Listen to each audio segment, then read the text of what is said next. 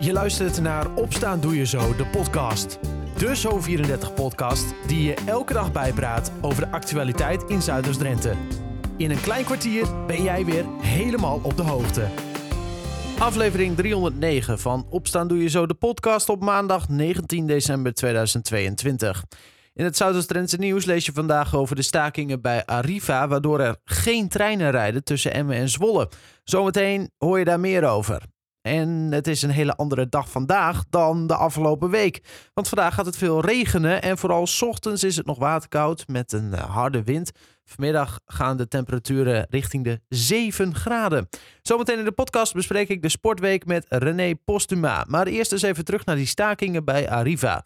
Want in navolging van de collega's in Friesland en Groningen wordt er vandaag gestaakt op de Arriva-lijn tussen Emmen en Zwolle. Verslaggever Jeanette Oortwijn was al op tijd op het station in Emmen. Jeanette, was het daar nou ook flink stil op het station of valt dat wel mee? Nee, het is inderdaad wel een dooie bedoeling. Eh, de meeste mensen hebben toch de nieuwsberichten van de afgelopen dagen wel gevolgd en zien en merken dat de treinen niet rijden. Er zijn wel mensen die uh, daarom de bus pakken, maar uh, hier staat gewoon een blauwe Arriva-trein voor mijn neus met de lichten uit. Die staat ja, eigenlijk stil, want de machinisten en conducteurs die staken vandaag. Dus die trein komt niet in actie. Hier en daar wel wat verdwaalde reizigers.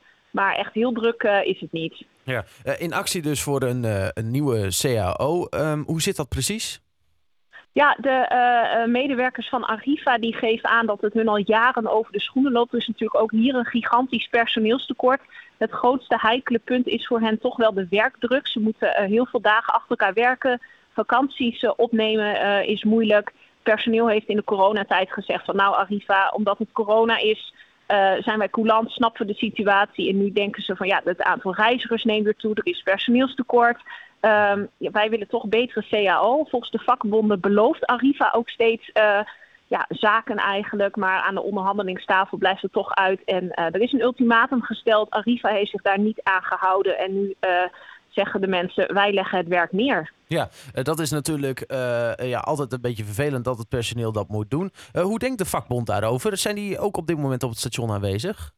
Ja, de vakbond die heeft hier in de stationhuiskamer, uh, zitten ze lekker warm aan de koffie. Die heeft daar een, een tafel geopend. Hebben het over de vakbonden FNV en MEC, ja, ik weet niet precies hoe die heet, een andere vakbond voor de uh, regionale vervoerders. Mm -hmm. Die zitten hier aan een tafel en alle machinisten en conducteurs die vandaag gaan staken en lid zijn van de vakbond, kunnen zich hier inschrijven uh, dat ze staken en dan krijgen ze ook een vergoeding. En uh, nou ja, er zit een mannetje of twintig nu binnen, daar hangen allemaal hesjes. Um, met FNV erop en ze deden vlaggetjes uit. Maar op dit moment is het nog vrij rustig, omdat het natuurlijk ook nog heel vroeg is. Yeah. Er zijn ook veel mensen die gisteravond hebben gewerkt en daarvan verwachten ze, die komen later op de dag. Ja, precies. Um, wat, wat, wat, wat hopen ze hiermee te bereiken? Los van een, een nieuwe CAO natuurlijk, maar uh, verwachten ze een reactie van Arriva? Nou ja, uh, vakbondsbestuurder Edwin Kuiper uh, van FNV, die heb ik vanochtend al gesproken. En die zegt ook van ja, dit kan Arriva niet ontgaan. Het is de derde dag dat de treinen gewoon niet rijden. De actiebereidheid is echt ontzettend groot. Mensen uh, zijn er gewoon klaar mee. Die willen een betere CAO. Hij verwacht echt wel dat deze boodschap bij Arriva gaat aankomen. En hij verwacht eigenlijk deze week nog wel weer een telefoontje vanuit Arriva om toch weer om tafel te gaan. En als dat zover is, dan hoor je dat natuurlijk weer op Zo34. We blijven het voor je volgen. Meer nieuws over de staking is tegen die tijd weer te vinden op zo34.nl en in onze app. Tijd nu om terug te blikken op het sportweekend. En dat doen we zoals elke week met sportverslaggever René Postuma. René, er werd bijvoorbeeld gehandbald en Hurry Up zit er goed in volgens mij. Gaat als een raket, kun je zeggen inderdaad. Ze zijn uh, ja, nog steeds in de race voor een plek uh, bij die Final Four. En dat geeft recht dus op uh, meedoen om de titel. Het laatste weekend van de Benelux en dan kun je kampioen worden. Ja. En dan moet je vierde voor worden. En de nummer vier kwam afgelopen zaterdag op bezoek, Sporting Pelt. En daar werd knap van gewonnen. Het werd 32-30 naar een 16-14 ruststand. Ja, en dus doet uh, Hurry volledig mee in de strijd om die vierde plek. Dus dat is, dat is prima, dat is prachtig. Ja, ze hebben de vorm uh, flink te pakken. Nog even voor uh, de duidelijkheid. Dus er worden nu allemaal wedstrijden gespeeld tussen alle ploegen. Ja. En dan gaat de top Complete 4... competitie. Ja, de top 4 ja, die speelt daarna nog een keer tegen elkaar. Zeg ik dat zo de, goed? De vier bovenste ploegen spelen dan in een weekend tegen elkaar. Dus dan heb je een halve finale en uiteindelijk een finale.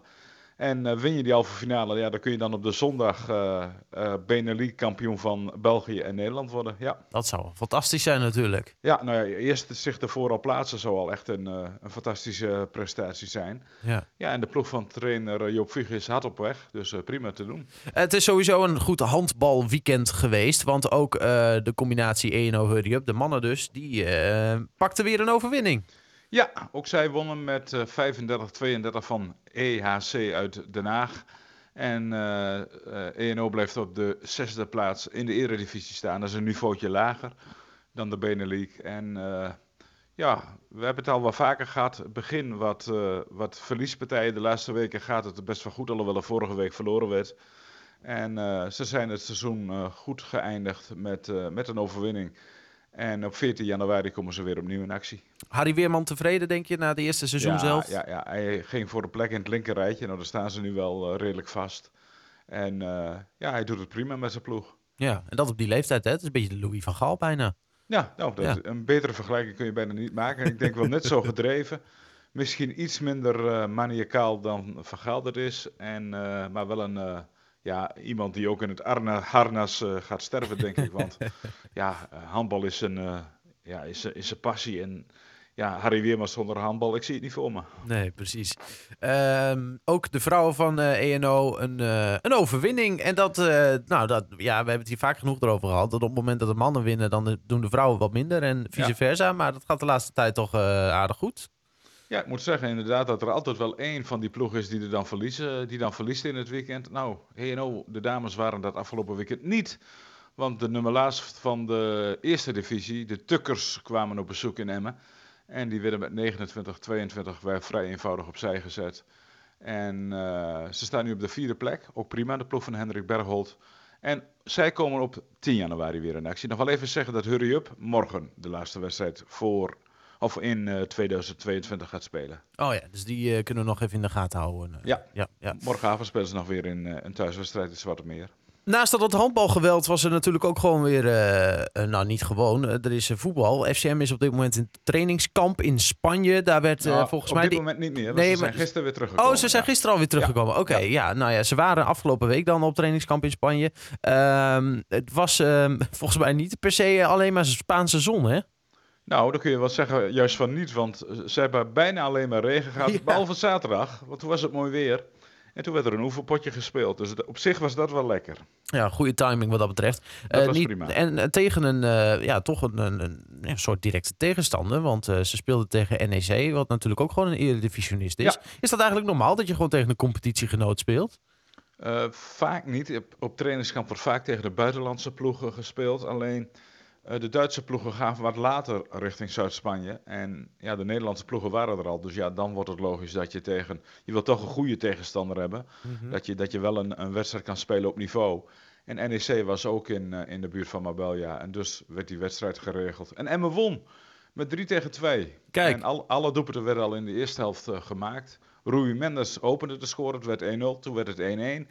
Daarna was het Ricardo Sivkovic die de 2-1 scoorde. Werd het 2-2.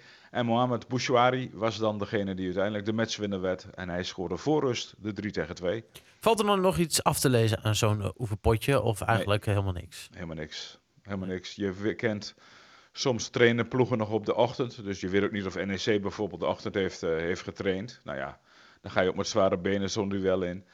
Uh, een oefenduel zegt mij helemaal niks. Ik heb nee. voorbereidingen met FCM gemaakt dat ze alles verloren en wonnen dan de eerste vier wedstrijden in het nieuwe seizoen. Ik heb het ook anders meegemaakt. Ik kan me nog een jaar herinneren dat er geloof ik tegen Feyenoord in de voorbereiding gelijk gespeeld werd. En dan denk je van nou dat wordt een heerlijk seizoen.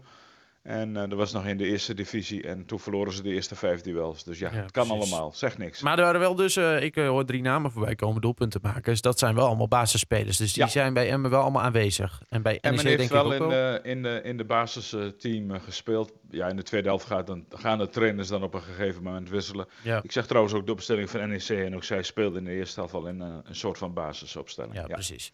Uh, tot slot, want het heeft natuurlijk flink gevroren. En dan denk je van, gaan die mannen het dan helemaal niet hebben over schaatsen. Nou, er is uh, uh, fatsoenlijk geschaatst. En ook weer geschaatst door uh, mensen uit Zuidoost-Drenthe. Ariana Pruisje, die volgen we met veel genot. Ja, alleen niet op het natuurijs nee, wat je dan wel verwacht. gewoon want op kunstijs. Je denkt dan van afgelopen, wanneer was het? Ik geloof woensdag werd er in Burgum uh, die eerste marathon op natuurreis gereden. En mhm. normaal zou ze daar wel bij zijn. Maar ze zat toen in het vliegtuig onderweg naar Calgary. Waar ze deelde aan de wereldbekerwedstrijd op 5000 meter. De 5 kilometer mocht ze meedoen. En ze scherpte haar persoonlijk record aan. Ze reed in de B-groep en kwam tot een tijd van 7.04.38.